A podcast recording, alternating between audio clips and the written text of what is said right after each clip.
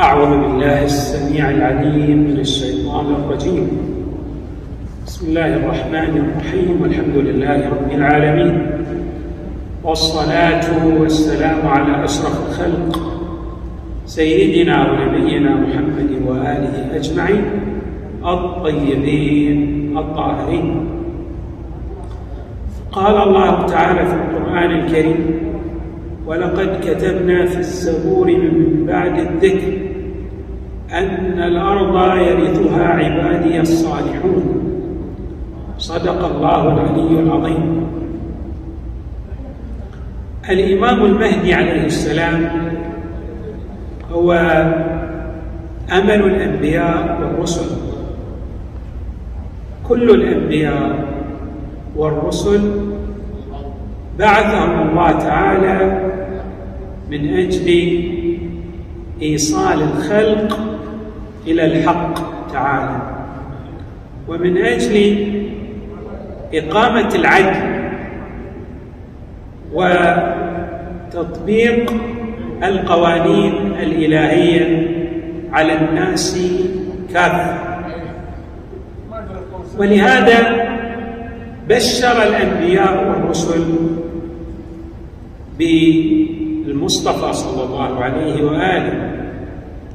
وكذلك بشر الأنبياء والرسل بالمهدي كشخصية يستنقذ العباد من جور الجائرين ومن بغي الظالمين. ويرسي مبادئ العدالة للإنسانية كافة. بغض النظر عن انتماء الإنسان في لونه في عرقه في قبيلته.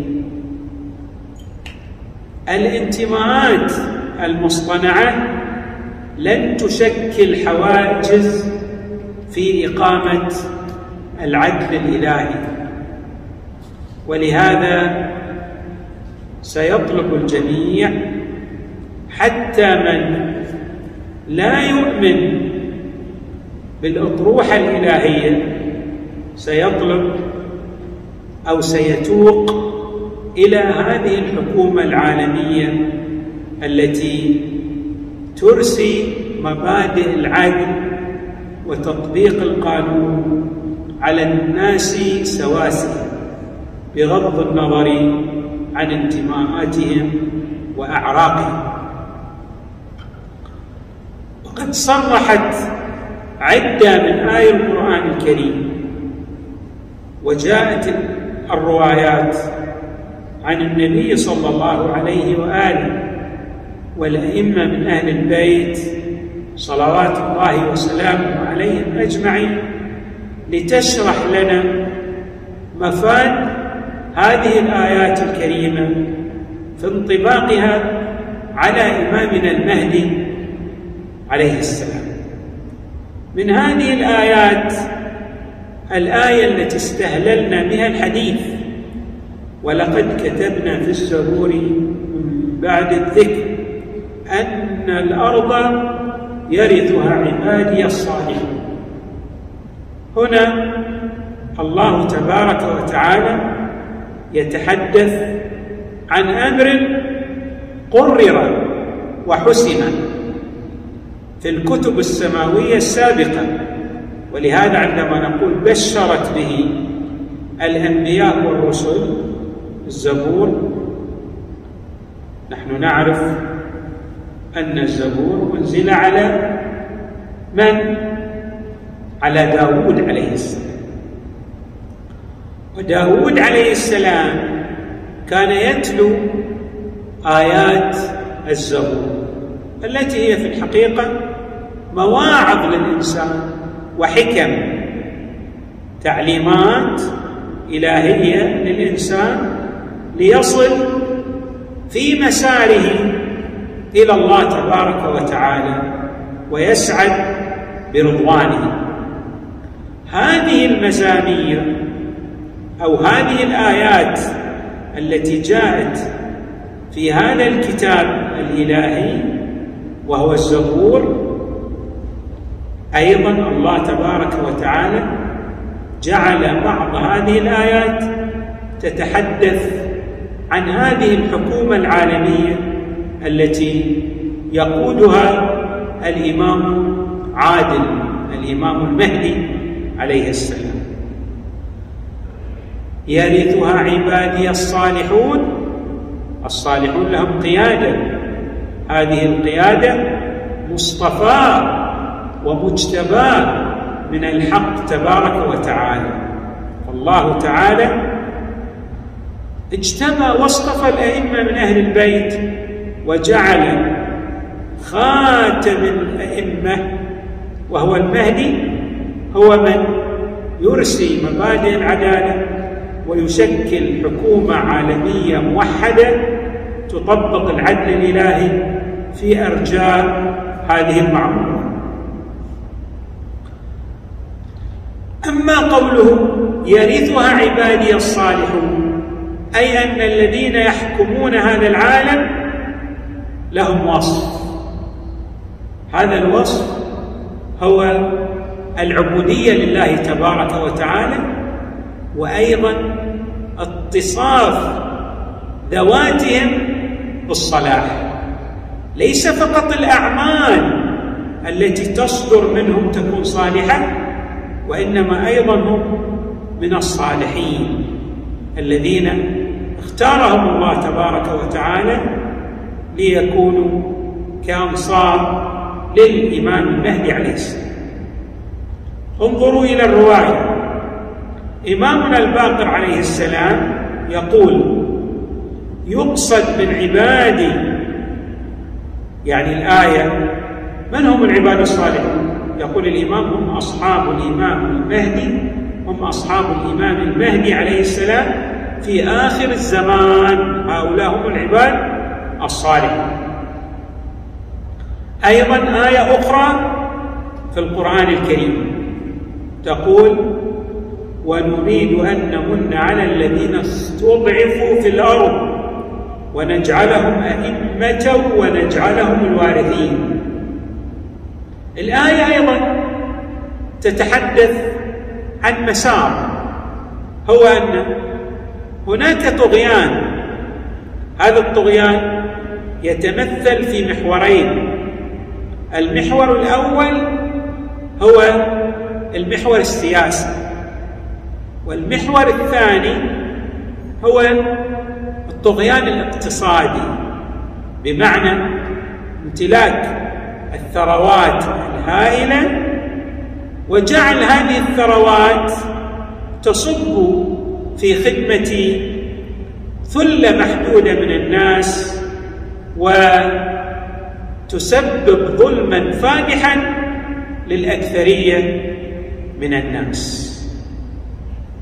الله تبارك وتعالى يتحدث عن أن هذا ليس بخاص في المجتمع من بني إسرائيل وإنما هذه سنن كونية تأتي حضارات يطغى فيها الجانب السياسي والاقتصادي بحيث يؤثران تاثيرا سلبيا على الأكثرية الكافره من الناس وهنا نحتاج إلى إصلاح وعناية من عند الله تبارك وتعالى على يد من اصطفاهم الله واجتباهم. وقد تحدثت الآية المباركة كما جاء في الروايات عن الإمام المهدي أيضا. ونريد أن نمن هذه إرادة إلهية. أن نمن على الذين استضعفوا في الأرض. هذه المنة أو العطية التي يعطيها الله تبارك وتعالى لهؤلاء الذين استضعفوا ما هي؟ أن يكونوا قاده أئمة ويرثون خيرات هذه الأرض ويبذلون هذه الخيرات للبشرية جمعاء يعني لا يصبح هناك إثرة استئثار بالثروات وتحكيم لمبادئ الظلم السياسي أو الاقتصادي وإنما الجميع يسير في إطار القوانين الإلهية التي تحقق العدل للمجتمع البشري ككل. ونجعلهم أئمة ونجعلهم الوارثين. يرثون الأرض ولكن بجدارة لوجود القائد الرباني وهو الإمام المهدي عليه السلام. رواية عن إمامنا أمير المؤمنين عليه السلام جاءت في تفسير هذه الآية يعني إيضاح ما إيضاح معنى الآية المباركة. يقول الإمام عليه السلام هم آل محمد. يبعث الله مهديهم بعد جهلهم فيعزهم ويذل عدوه يعني هناك أدوار وأحقاب تاريخية تمر من البلاء على المؤمنين الأخيار إلى الله تبارك وتعالى يبعث هذا الإمام الصالح الذي ينشر لواء العدل في أصقاع المعمورة فتخفق رايات الهدى في إرساء مبادئ العدل كما أشار أيضا من الآيات التي تحدثت عن الإمام عليه السلام قوله تعالى وعد الله الذين آمنوا منكم وعملوا الصالحات ليستخلفنهم في الأرض. الذين آمنوا والذين عملوا الصالحات. هناك قانون هو قانون الاستخلاف لكن من قبل الذين آمنوا كثر. والذين يعملون الصالحات أيضا هناك الكثير من الناس من يقوم بالعمل الصالح مع إيمانه. ولكن الآية كما جاء في التفسير الروائي تتحدث عن قيادة إلهية مجتباة من الحق تبارك وتعالى ترسي قواعد العدل. وتنشر الهدى بين الناس. فيتذوق الناس أجمعين. يتذوق الناس بأجمعهم طعم العدل وحلاوة الخير الذي يبسطه ذلك الإمام المستخلف على البشرية جمعاء من قبل الله. ويظهر من الروايات أن هناك تأييد إلهي كما حصل لداود لسليمان لذي القرنين ولبعض أنبياء الله ورسله الذين سخر لهم الله تبارك وتعالى الأمور وهيأ لهم الأسباب. يعني هناك أيضا تكامل للعقول وتوق لقيادتها للقيادة الرشيدة لهذا الإمام وأيضا من قبل الناس وأيضا هناك تأييد من قبل الله تبارك وتعالى ليوصل هذه السفينة التي يقودها إلى شاطئ الأمان وساحل النجاة. الروايات كما يقول الشيخ الطوسي قدس الله نفسه الزكية أن هذه الآية وهي وعد الله الذين آمنوا منكم تتحدث عن الإمام المهدي عليه السلام. أيضا من الآيات التي وردت في هذا الشأن قوله تعالى هو الذي أرسل رسوله بالهدى ودين الحق ليظهره على الدين كله ولو كره المشركون. الإمام الصادق لاحظوا هذا التفسير؟ يفصح عن جميع وجملة ما تحدثنا عنه آنفا يقول الإمام ظهور الإسلام على الأديان في عصر ظهور المهدي عليه السلام. ويقول إمامنا الباقر عليه السلام إن ذلك يكون عند خروج المهدي. فلا يبقى أحد إلا أقر بنبوة المصطفى محمد صلى الله عليه وسلم. يعني جميع البشرية ستؤمن بالإسلام كدين خاتمة للأديان السماوية. هو الدين الذي يحقق الخير والسعادة للإنسانية جمعاء كما يظهر من الروايات التي جاءت عن الإمامين الباقر والصادق. أما الروايات التي تحدثت عن إمامنا المهدي فحدث ولا حرج. هي أكثر من متواترة.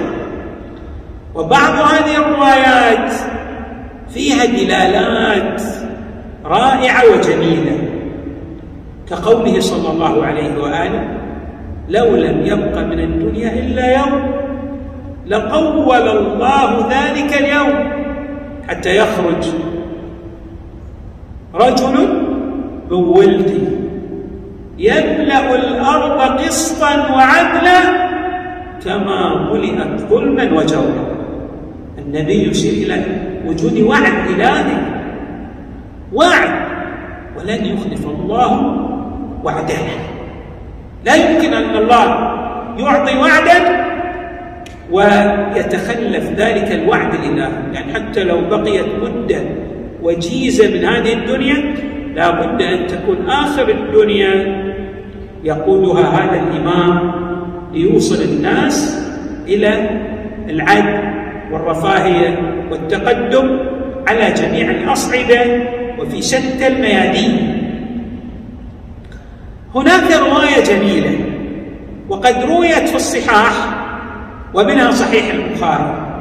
وهي رائعة وأيضا تتحدث عن مضمون الآيات التي استعرضناها. هذه الرواية تقول هكذا النبي صلى الله عليه وآله كيف أنتم؟ في البخاري كيف أنتم إذا نزل ابن مريم فيكم وإمامكم منكم؟ الآن المسيحيون يؤمنون أن المخلص في نهاية المطاف سينزل عيسى عليه السلام من السماء ليخلص البشرية. النبي يقول نعم هذا الوعد حق. عيسى سيأتي لكن سيأتم بمن؟ سيكون تحت قيادة الإمام المهدي. كيف أنتم إذا نزل ابن مريم فيكم وإمامكم منكم؟ إمامكم هو منكم. سيأتم المسيح عليه السلام بإمامنا المهدي. يعني أن القيادة الربانية الإلهية للبشرية جمعا هي للإمام المهدي.